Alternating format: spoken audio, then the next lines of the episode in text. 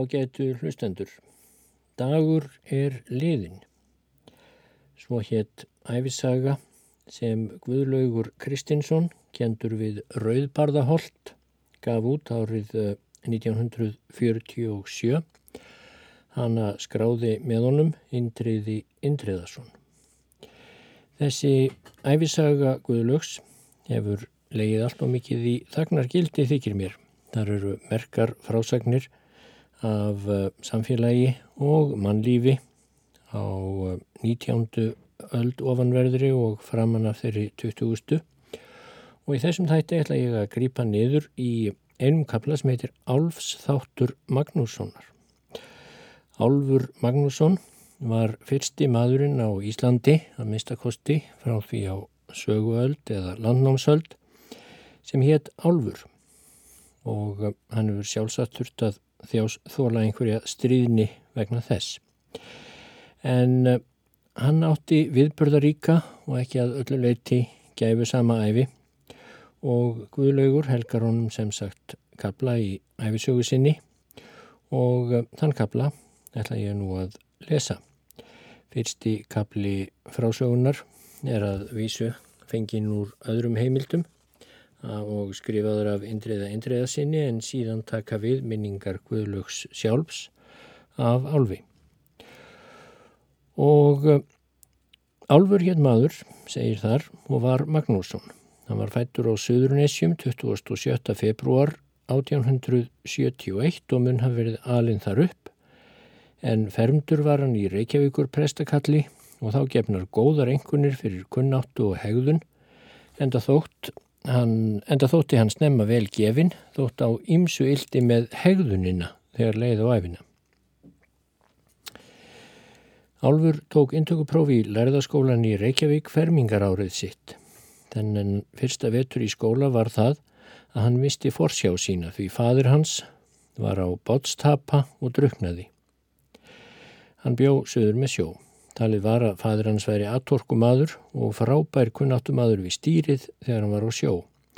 Hann var að koma frá Reykjavík á smábáti þegar hann fórst. Það sást síðast til ferða Magnúsar að postskipið sem var að koma frá Hafnarfyrði til Reykjavíkur mættónum. Var þá á kvass útsýningur og uppgangsveður. Postskipsmenn buðu Magnúsi aðstóð sína því þeim síndist hættuleg för hans á svo lítilli skell en hann helt sitt stryk. Dáðust þeir á því hver vel hann styrði og fekk varist ágjöfum. En honum fór eins og mörgum hefur farið fyrir og síðar að þrátt fyrir aðtorku og afburði fekk hann eigi kappi sínu til jafns við heljarabl ægis og því fór sem fór. Þrátt fyrir missi föður síns náði Álfur að vera þrjá vetur í skóla. Hann átti góða kunningja meðal bekkjarbræðra sinna og þótti margt fremur um hann en ímsa af jafnaldurum hans. Hann var syndur sem selur og flestum betri í líkamsýþróttum, skarpur og næmur og nokkuð skaldmæltur en þótti stundum stríðin í hvaðskap sínum. Skapmikill mun hann hafa verið en viðkvæmur og dölur og seintekinn fyrir þá sem hann hýrt ekki um að kynnast. En í hópi kunningja var hann gladur og örglettinn og jafnan græsku laus. Sá atburður varð að afstöðunum sumarmála fagnaði, þá er Álfur hafi verið þrjá vetur í skóla, að hann lendi í orðanhyppingum við miðaldra kvennmann sem bjó í sama húsi og hann. Hann var þá að koma af áðurnemndri skemmtun og var ör af víni en víndrykju var hann þá með öllu óvanur. Endaði þessi orðasenna millir Álfs og konunnar á þann hátt að hann laust hann að kynhest fekk hann að vonum harðar ávítur fyrir en það sá hann mjög eftir þessu sjálfur þegar runnið var af honum ölaðið. En nokkur síðar vildi svo til að konan fekk bólu á þessa sömu kinn. Hún hyrti ekki um bóluna sem skildi, var það fyrir blóðeitrun sem dró hana til dauða. Sá orðrómur komst á loft og var í hámælum hafður að löðrungur sá sem álfur laust konuna hefði verið orsök að dauða hennar. Og þótt að Jónas Jónasen sem þá var héraðslæknir í Reykjavík en síðar landlæknir fullirti að milli þessara tvekja atvika væri ekkert samband að sínum dómi, þá varð söguburðinum ekki nekt með því. Álfur tók þetta sér mjög nærri og við þennan orðróm, þótt ósannur væri, hafði Álfur beðið það tjón sem varð miklu ráðandi um líf hans og gæfuleysi þaðan í frá. Upp frá þessu tók Álfur mjög að hafa vínum hönd hafði hann áhyggjur af getuleysi sínu til áframhaldandi skólagöngu, sökum fátæktar og umkomuleysis. Mun hafi verið umtalum að sinja honum skólavistar áfram en til þess þurfti ekki að koma því Álfur stakk af um haustið með rossatöku skipi norður til Skagafjörðar.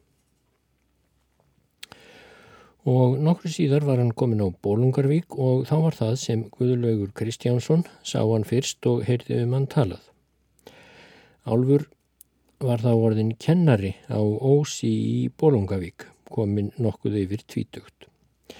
Hann var talinni drikkfísin mjög og háðskur í kveðskap sínum og mjög upp á kvennhöndina.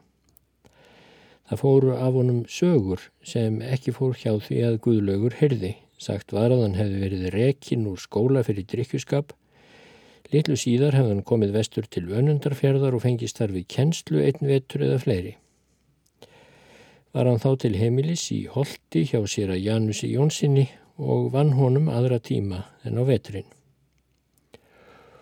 Honum hafði ekki geðiðast vel að heimilisháttum þar og eða verið ánaður með kjör sín ef ráðam á nokkuð af kveðjunni sem talið er að Álfur hafi orrt þar á heimilinu og skildi eftir einhverju sinni undir diski sínum þegar hún mátti hafa sinnast eitthvað við pressfrúna í Holti en alveg þótti hún nokkuð hofmóðug og þess má geta að móðir pressfrúarinnar mun hafa verið hálf dönsk. Guðlingurinn fer hér á eftir eins og hann gekk manna á milli og Guðlaugur Kristjánsson lærðan. Vinnumanns lífið Vinnumanns lífið er þrælkun og þraut, hvar þekking og frelsi er bannað Að vinna fyrir skammir og sig graut, ég get ekki kallað að annað. Vinnumanns lífið að vettu ég með, því með vinnumanns lífið er sprengur og helsu og krafta og lánið sitt létt í lífið því fjölmarkur drengur. En gáða því maður í gröf sér hver fer, jamt gilda sem mjóvaksna hún tekur og hver heitur og sterkur sá eldslogi er sem ofan í mörfita lekur. Og víst er það hörmung og sorglegt að sjá.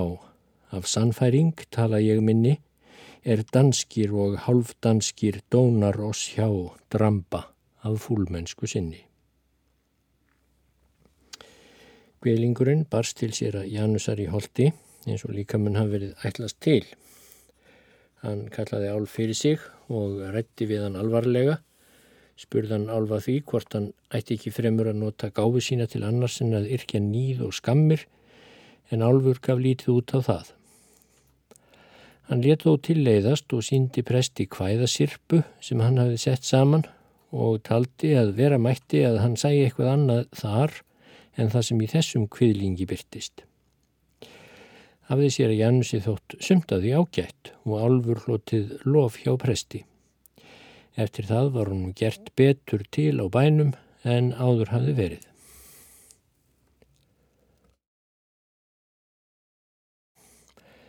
Guðlaugi Kristjánsinni var strax vel til álfs þegar hann, þegar hann kynntist honum í Bólungavík, þótt ekki eruðu kynni þeirra náinn þá. Honum fannst til um skarpleika álfs og skemmtni þó til óhóf strægi með drikkjuskap hans og fyrirferð þegar hann var orðin öra víni. Það var eitt sinna þeir sátu saman nokkri félagar í sjóbúð við drikju, let alfur fjúka í kviðlingum og gekk á ymsu manna á milli því sömur gerðust vel alfaðir. Vildi Guðlaugur fara þaðan og hafa álfa og brott með sér en við það var ekki komandi, þóttist álfur vel komin það sem hann var. Í þessum hópi manna voru tveir menn sem Guðlaugur óttaðist að kynna stopna til slagsmála við álf áður en um líki. Annar þeirra hétt Jón Jónsson og var kendur við ljótunnarstaði. Hann var harðsækin formaður og karlmenni hið mesta og allvel látin en riskingasamur mjög sem kallað var og ófriðlátur þegar hann var drukkinn. Guðlaugur var óhrakin maður í þá daga og hafi lítið drukkið að þessu sinni. Sætt hann segi ekki við að skilja álf eftir í þessum vonda félagskap en var sjálfum óljúft að dvelja þar lengur. Tók hann álf og hafði hann á brott með sér með valdi án þess að aðrir hefðu af því afskipti en það taldi hann hafa hjálpað sér að Álfur var all drukkin því ella hefði hann verið tvísyngt á því að sér hefði tekist að færa hann á brott. Þakkaði Álfur honum þetta síðar þegar af honum var runnið og var þetta atvik meðal annars til að styrkja kunningskap þeirra Álfs. Álfur var röskur meðalmaður og hæð, vel þrekinn og karlmenni í betralagi. Hann var fríður sínum og vel eigður, það enkenni hafðan að augu hans voru mislít. Var annað dökkbrunt en hitt ljós blátt. Álfur var dökkur og hár með miklar brúnir og dökkar en fölur í andliti. Ekki ílendist Álfur í Bólungavík, heldur flektist millir jarða og sjóþorpa þar vestra, barni átti hann með bondadóttur nokkur í Bólungavík og víðar var honum borin sama saga. Fullkomin óvissamun hafa verið með heimilisfang álfs sem þessi ár og rekistefna verið út af því gerð af yfirvöldunum ásamt sem kvennamál hans auksu yfirvöldum í augum því þau óttuðust að þau myndu þurfa að setja uppi með ómegð af hans völdum. Frá þessum árum mun vera kvæði sem hann orti og nefndi álfs kvæði. Verð það hér á eftir skrifað eftir minni Guðlögs. Lýsa þessi hálfkæringslegu erindi, sálarástandi hans og lífsafstöðu. En jáfnframt kemur í ljós, skrifar Indriði Indreðarsson, höfundur æfisugu Guðlögs, svo létta gletni sem hann hefur lengst af átt og máski til æfiloka. Uppafið á álfskvæði hljóðar svo. Mín huggun er svo að heiti ég álfur og hafa þá afsökun jafnan ég skal. Þótt náungin segi ég nú ertu halfur, ég neyta að virða hans siðferðistal. Ég svara hann um engu en segi með mér þó sannlega hálfur af, þú sannlega hálfur af vittleysu er. En hvað er að undra þótt álfur sé hálfur, sá auðli á það nafn er hann flytur með sér. Ef repsnemdin spyr mig hvar hafi ég heimili, ég held ég far ekki að bera upp vörn Ég býð henni ef hún vil skjóta á mig skætingi að skaffina á einu ári þrjáttíu börn. Ég veit að heimili ekkert ég á en ótröður valsa þó til og frá. Ég stopp ekki fyrir en ég stingst hon í gröfina og staðfastast heimili öðlast ég þá. Og kall minn að síðustu er kem ég til Péturs, kúk þreyttur líkast til poka ég ber en þá fyrir verra því verið það getur, hann vilji ekki hleypa í dýrðina mér. Ég vona þó Karl tötrið vorkenni mér, er veitan það hver þessi ferðalangur er. Mínum stórsinda drösul ég dinglón í geimin og dansand af kæti með Pétri ég fer. Þegar Guðlaugur flutti til Ísafjörðar var álfur þar ferir. Hann hafði haft ofana fyrir sér þar veturinn áður með kennslu og rýtstorfum. Hann eh, réðist á bátinn Kalla á samt Guðlaugi áður nefnt sumar og bar þá ekkert sérstak til tíðinda. Næsta vetur hafði hann ofana fyrir sér með kennslu og ísafyrði og þar í nákrenni. Sumarið þar á ettir voru þeir félagar saman á bátnum Lilju og var þá heldur að segja mætti að álfur yriði til að vekja á sér eftirtekt fyrir drikkjuskapsinn meðal annars en þó ekki engöngu. Álfur var ósérhlífin og liðugur verkmaður þegar honum varð haldið frá víni og það átt að geta tekist um borði í skútu sem var vikum saman út hjá Rúmsjó án þess að hafa nokkurt samneiti við fólk í landi. En það hefur oft verið sagt að ég vil megi takast að gera það sem talið er ómögulegt ef viljin er nógu sterkur. Má svo að orði hveða að það hafi álfi tekist eins og eftirfarandi saga sínir. Það bar við nokkrum dögum eftir að þeir fóru út á Lilju að það skall á þá norðaustan kvasviðri er þeir voru að veiðum úti fyrir horni. Leituð þeir þá inn til Hornvíkur í afdrepp. Þegar þeir komu inn á víkina láð þar önnur skúta frá Ísafyrði. Hún hafði orðið síðbúnari en Lilja og var nýkomin út. Þeir voru á leiðin norður yfir þegar þeir urðu að leita þarna hælis. Jensen lagðist talsverðan spöl frá hinn í skútunni og svo var beðið átekta hvernig fara myndi með veðrið. Álfi varð fljót hugsað til þess að á hinnu skipinu hlítu að vera vínföng þar sem það væri að koma beint frá Ísafyrði og skipverjar getur þar á leiðandi ekki verið búnir með þá hýru sem þeir voru handvissir að hafa tekið með sér hitti hann Guðlaugað máli og tjáir honum að hann eigi brínt erindi yfir í hitt skipið og byður hann Guðlaug að fara á fundskipstjóra og fala skipsbátin að láni til ferðarinnar yfir að hinniskútunni. Svarar Guðlaugur því til að það sé með öllu þýðingar laust því Jensen skipstjóri mun ekki taka það í mál. En þó lætur Guðlaugur undan að þrá beðinni álfs og fer niður í káetu til Jensens gamla ber hann þar upp erindið, hvort álfur megi fá lánaðan skipsbáttinn en færið sjálfsögðu reynd og heiklaust afsvar. Það kom ekki til mála að hann lefi neinum frá borði eins og ástandi, hann ætti nú ekki annað eftir og það að sleppa manninum í skipsbátnum fer Guðlaugur upp við svo búið og segir álfi málalók sín. Álfur svaraði fáu en stendur þögull og horfir í kringum sig.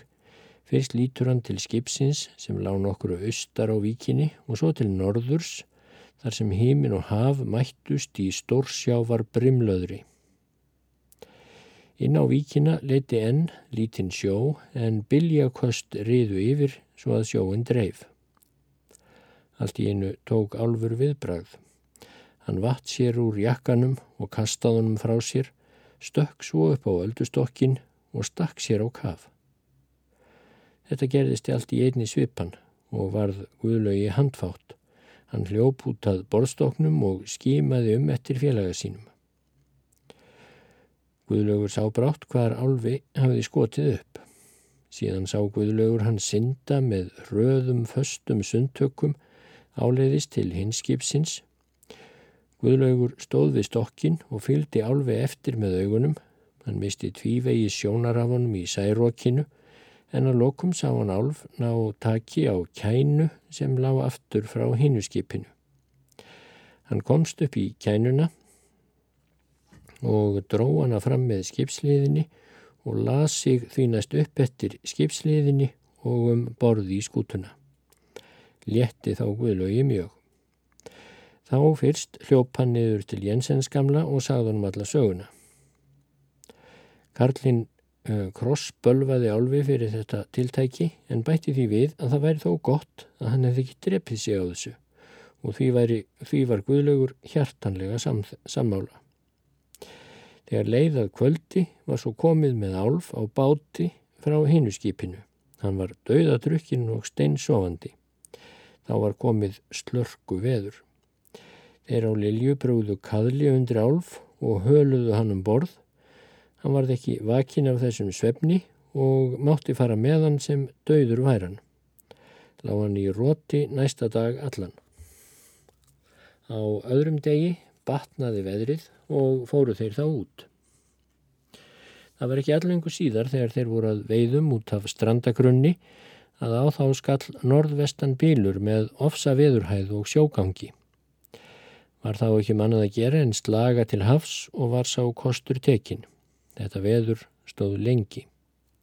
Lóks fór að draga úr veðrinu, þá voru þeir komni langt á haf út og var skipið mikið brottið og úr sér gengið. Þá var tekin stefna til lands, en svo var hann ennþá kvass að þeir sigildu með öll segl kross rifuð. Var verið að hleypa úr rifi og rifi þegar niður dró í veðrinu en það reyndist skamvind. Eftir dægurs uppsýklingu á þennan hátt ripnaði stórseklið. Var þá sett upp annað í þess stað, þótt örðugt væri í þessu veðri, en það reyndist gamalt og fúið. Síðla á þriðja degi fengu þeir landkenningu og var haldið upp undir landið. Voru þeir þá komnir inn á fljótavík við Skagafjörð, en var kvast og rugglingslegur sjór en úrdráttur í veðri. Var það leita hafnar til að gera við það sem aflaga hafi farið. Næsta sæmileg höfn var Siglufjörður og þangað var haldið. Ekki var nú hátt rísið á Siglufjörði í þá daga. Ekki mann guðlögur hvort það voru heldur þrjú hús þar eða fjögur. Það var eitt veslunarhús og svo íbúðarhús Kaupmannsins. Svo var þar stutt frá guðlmálað timpurhús sem Snorri Pálsson Kaupmaður hafði búið í en hann var þá fyrir nokkru dáin og var ekki hans komin til Ísafjörðar. Talsvert kippkorn frá Kaupstaðnum, ef svo mótti segja um hús Kaupmannsins, var Kvanneyri þar sem sóknarpresturinn sér að Bjarni Þorstensson bjó en Kvanneyri er nú að kalla inn í miðjum kaupstað svo sem kunnugt er og þó nú þegar hægt er í raun og sann að kalla Siglufjörð kaupstað. En í þetta sinn var svo ekki en það var margt sem þurfti að gera að liljugamlu bátnum. Það voru brotnir partar úr báðum borðstokkum, aftur spennanna og bakborðsvantinum hafði hrokkið í sundur og láfið að það erði þeim dýrt spaug, auk þess voru seglin öll í tái.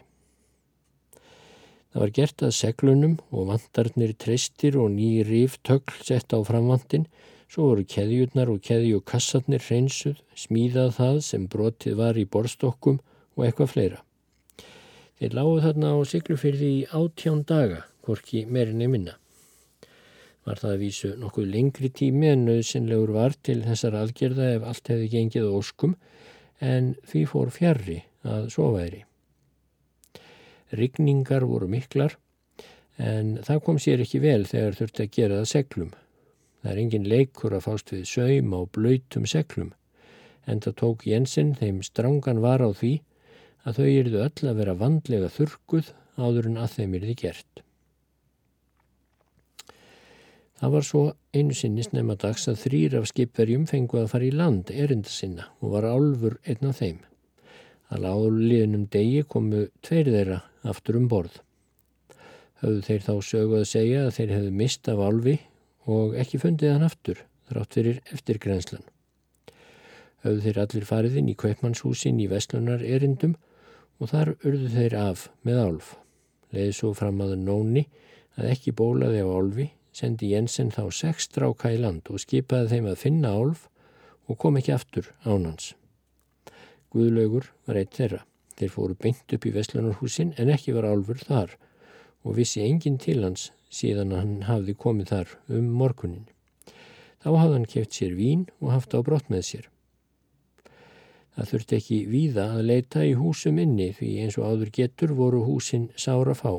Þeir fóru upp að pressetrinu og spurðust þar fyrir en það reyndist árangurslaust. Síðan var hafinn leit um eirina og hefði næstan ágrenni en allt fór á sömu leið. Fóru þá tveirum borð með þessar fregnir en hínir hófu leit inn með sjónum.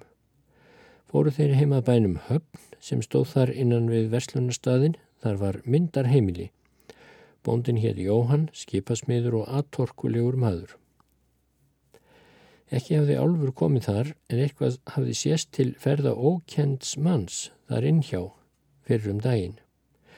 Fóru þeir félagar þar inn með sjónum og dreifðu sér í leitinu um fjallið og fjöruna. Þegar þeir komu innst í fjardarbotnin rákust þeir á álf. Lá hann þar á milli þúpna í rótsvefni með tómaflösku í annari hendinni. Gerðu þeir ítrekkaðar tilraunir til þess að vekjan Þóttin væri það fullvel kunnugt að það myndi engan árangur bera. Svo var hátt að eðli álfs að þá var hann hafið drukkið mikið fjallan í þann dauða svefn er hann vaknaði ekki af fyrir en af honum var runnið. Vissi álfur þetta sjálfur og var því jefnaðarlega beigur í honum að vera einn á ferð eða fjarrri mönnum þegar hann var með víni þótt hann á hinbógin nýti einverunar til að fá að drekka í næði. Nokkrum árum áður en þetta var hafði Álfur ætlað frá önundarferði til Súgandaferðar yfir svo kallaða klopningsheiði. Það var að vetrarlægi en í bjartviðri og var hann kunnugur leiðinni. En Álfur var þá með víni og sögum þessa ákalla síns þorðan ekki einn yfir heiðina. Fekk hann aldraðan mann til fylgdar við sig að nafni Salomón Jónsson. Varð Salomón til í heiðarbrekkunum þegar hann var á heimleið og var álitið að það hafi verið af mannavöldum. Reys af því hefði allræmda skurðsmál sem svo er kallað og segja má að notað hafi verið sem ástæða með öðru fyrir því að skúli Tórótsen síslumadur væri hrakin og reymbætti. En þeir félagar sá nú ekki annað ráðvætna en reynað að koma álfi með sér til skips þarna í Siglufyrði því ekki tjóaði að láta hann liggja þarna og ekki myndi Jensen gamla að karlmannlega aðverið af þeim fjórmenningum að ganga frá við svo búið. Tóku þeir álf og báran á milli sína og stóli með margvíslegum burðar aðferðum öðrum út með öllum fyrði og niður á eiri. Var það ílt verk og erfitt. Var ekki alltaf mjúklega tekið á piltinum en hann kom aldrei til meðutundar á þeirri leið. Komið þeir hún svo í bátinu og um borði í Lilju. Ekki raknaði álfur úr rótinu fyrir um miðjan dag daginn eftir og var þá þyrstur, lágan svo næsta dag allan. Þegar þeir höfðu lokið aðgjörð sinni heldu þeir frá Siglufyrði, þá hafði brögði til tíðargæsku og var nú tekið til óspiltra málana við veiðiskapin enda nógur fiskur. Eins og áður hefur verið getið öfluðu þeir sæmilega vel þetta sumar á Lilju þráttur þessa löngu Siglufjörðar dvöl, bara ekki fleira til tíðinda svo orðs ég á hafandi fyrir ná heimliðinni varð álfur þá enn til að auka á tíðindi þótt með öðrum hætti væri en áður. Það var að vonum að menn hlökkuðu til heimferðarinnar eftir fleiri mánada útivist. Sumir hugsuðu gott til þess að sjá aftur konur sínar og börn og vitja heimila sinna. Aðrir hugsuðu gott til þess að væta kverkarnar sem voru orðnar þurrar af langri útivist í erlegu kornbrennivíni mun þeirra síðartöldu, meðal þeirra síðartöldu mun álfur hafa verið. Þegar komið var innundur nýfstal voru sömur farnir að slaga og sína af sér örlindi og innileika svo sem þeir væru orðnir örur af víni átti svo framkoma eftir að endur taka sig á ennþá áþreifanlegri hátt eftir stuttrar stundar dvöl í landi. Þá var það að álfur kom upp á þiljur og tók að kyrja við raust kveðling sem hann hafði verið að yrkja. Ekki bar Guðlaugur kennsla á lægið sem Álfur söng og hveðst aldrei hafa heyrtað annar staðar en hjá Álfi en hann hafði dáðst að læginu sem var mjög einkennilegt eins og öllu sem hann sá og heyrði til hans um þetta bil. Að látbræði hans svip og gerfileik þegar hann hóf upp raust sína sem var sterk og vel tamin til dýrðar bakkusi í þessu erindi. Nú vil ég fegin byggja um bjór, því best mun hann svala, tröðla synd mun talin stór totti að fala. Húrra, nú glim ég gleðinar lag, af hug og sál, hljómi skál, allra dugandi drengja. Þó að hveðskapurinn væri í sjálfu sér ekki merkilegur, þá var það ekki gaggrind á þessari stundu og þó að margir hefðu sitt hvað við álvað aðtuga, þá mun flestum hafi fundist eitthvað svipað og guðlögi að þrátt fyrir allt og allt þá væri ekki nema einn álfur til sem mönnum hliti að þykja væntum. Það var svo einu eða tveimur árum eftir þetta umrætta sumar á Lilju að álfur kvarf eða fórst eins og talir var þá segir svo í árbók almanaksins frá þeim tíma og öðrum samtíma heimildum að Álfur hafi kastað sér fyrir borð af fiskiskipi sem lág á Hortnvík og hafi druknað þar en það er málum blandið að því er guðlegur telur. За тихой рекою в березовой роще распустится первый весенний цветок, И я загадаю желание попроще, И перекрестившись, взгляну на восток. Окрасится небо багряной зарею, И вечное солнце над миром зайдет, и белая птица взлетит над землею, Божье прощение с небес принесет, и белая птица взлетит над землею, и Божье прощение с небес принесет. И что-то большое откроется сердцу, Такое, что жить, ой, жизнью моей не объять, И станет спокойно и сладко, как в детстве, Когда обнимала меня моя мать, И станет спокойно и сладко, как в детстве, когда обнимала меня моя мать. Молитва святая, слезами прольется, Христовой любовью исполнится грусть, и в это мгновение душа прикоснется к великой вселенной по имени Русь.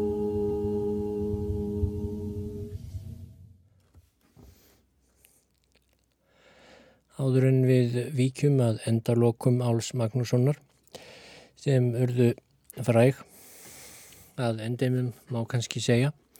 Þá er rétt að geta þess að í nýlegu hefti af blaði uh, þeirra garðsbúa sem heitir Skipholl.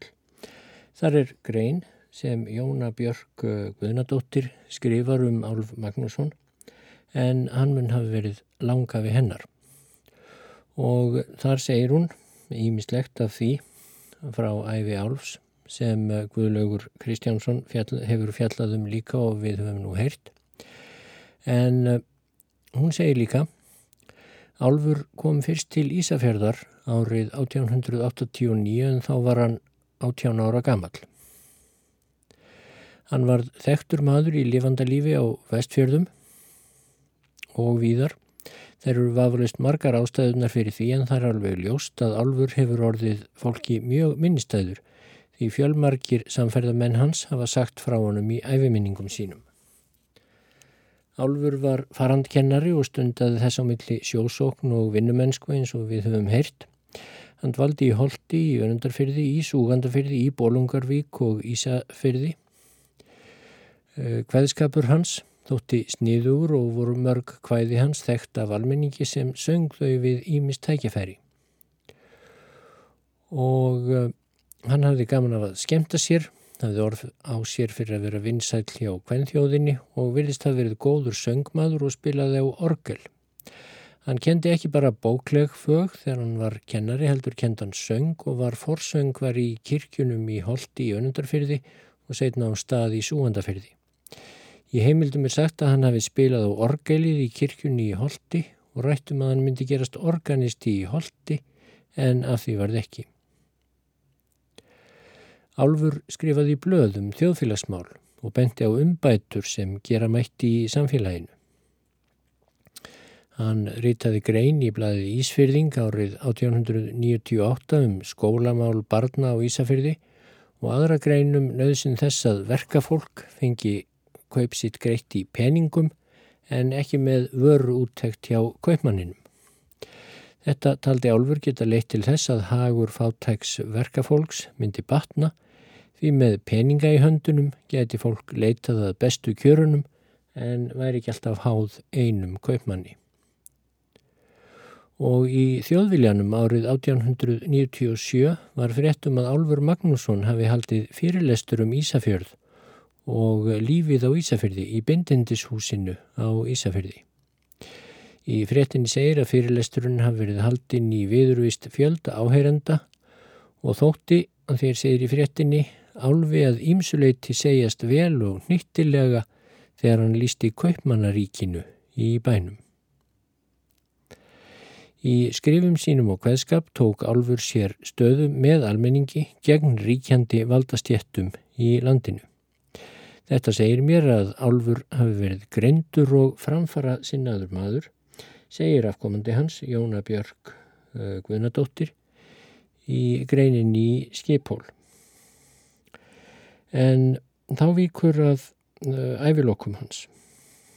Guðlaugur minnist þess vel að svo fregn barst út um Ísafjörð að skútan Springerinn væri komin úr fiskitúr og skipsmenn höfðu þá sögu að segja að Álfur Magnússon hefði fyrirfarið sér út í hafi. Springerinn var eitt af skipum áskeirsveslunar, tvístöfnungur og þótti fremur happa lítið skip. Skipstjóri á þessu úttaldi var Sturlin okkur, Jónsson af Ísafjörði, reyndur skipstjóri en fremur ó fiskin. Stýrimaður var Jens Jónsson. Það voru frekar hæg heimatökin fyrir Guðlaug að hafa því sannar freknir hvernig slýst þetta hafði að höndum borið því sámaður sem horfi á atburðin var til húsa hjá Guðlaugi og hafði þar þjónustu sína en það var stýrimaðurinn á springerinn Jens Jónsson. Jens var maður á bestaaldri. Hann var sjómaður góður, greindur vel og grandvar til orðs og æðis eins og hann átti kyn til, þeir Indriði Indriðarsson. Hann var ættaður frá veðra á í önundarfyrði, eitt þeirra merkisbræðra þaðan. Sagði hann þá og síðar frá atvikið þessu á einn veg og þann sem nú skal greina. Þeir höfðu verið að fiska norður af Hortni en fiskur var lítill. Þá höfðu þeir farið inn á Hortnvík og leita þar fyrir sér, grund fyrir landi en urðu lítill svarir. Þá tókuðu þeir sig upp þaðan og stemdu vestur fyrir land, átti að fara söður í dýrafjörðarál eða ég vil lengra söður í fiskileit. Þannig umræta morgun voru þeir stattir í álnum, vestur af strömnesi, það var þókukent veður með súld og nokkrum vindi, var silt á stjórnborðsíðu með þægilegu lensi, var Jens við stýrið því það var stjórnborðsvakt. Við vaktaskipti kom maður upp til að leysa Jens af. Þegar hann hafði fengið hinnum stýrið og sagt honum fyrir, gekk hann frá stýrinu fram eftir skipinu stjórnborðsmegin. Hann helt á vellingum sínum milli handana og vatt á. En þegar hann er komin fram undir formastrið sér hann að álfur kemur upp úr hásetaklefanum. Hann er á skirtunni og berhöfðaður. Álfur gengur hægt og rólega út að forvandinum til kuls. Hann grýpur síðan annari hendinni í forvandin en stiður hinni á eldustokkin, vippar sér upp á hana og steipir sér útbyrðis.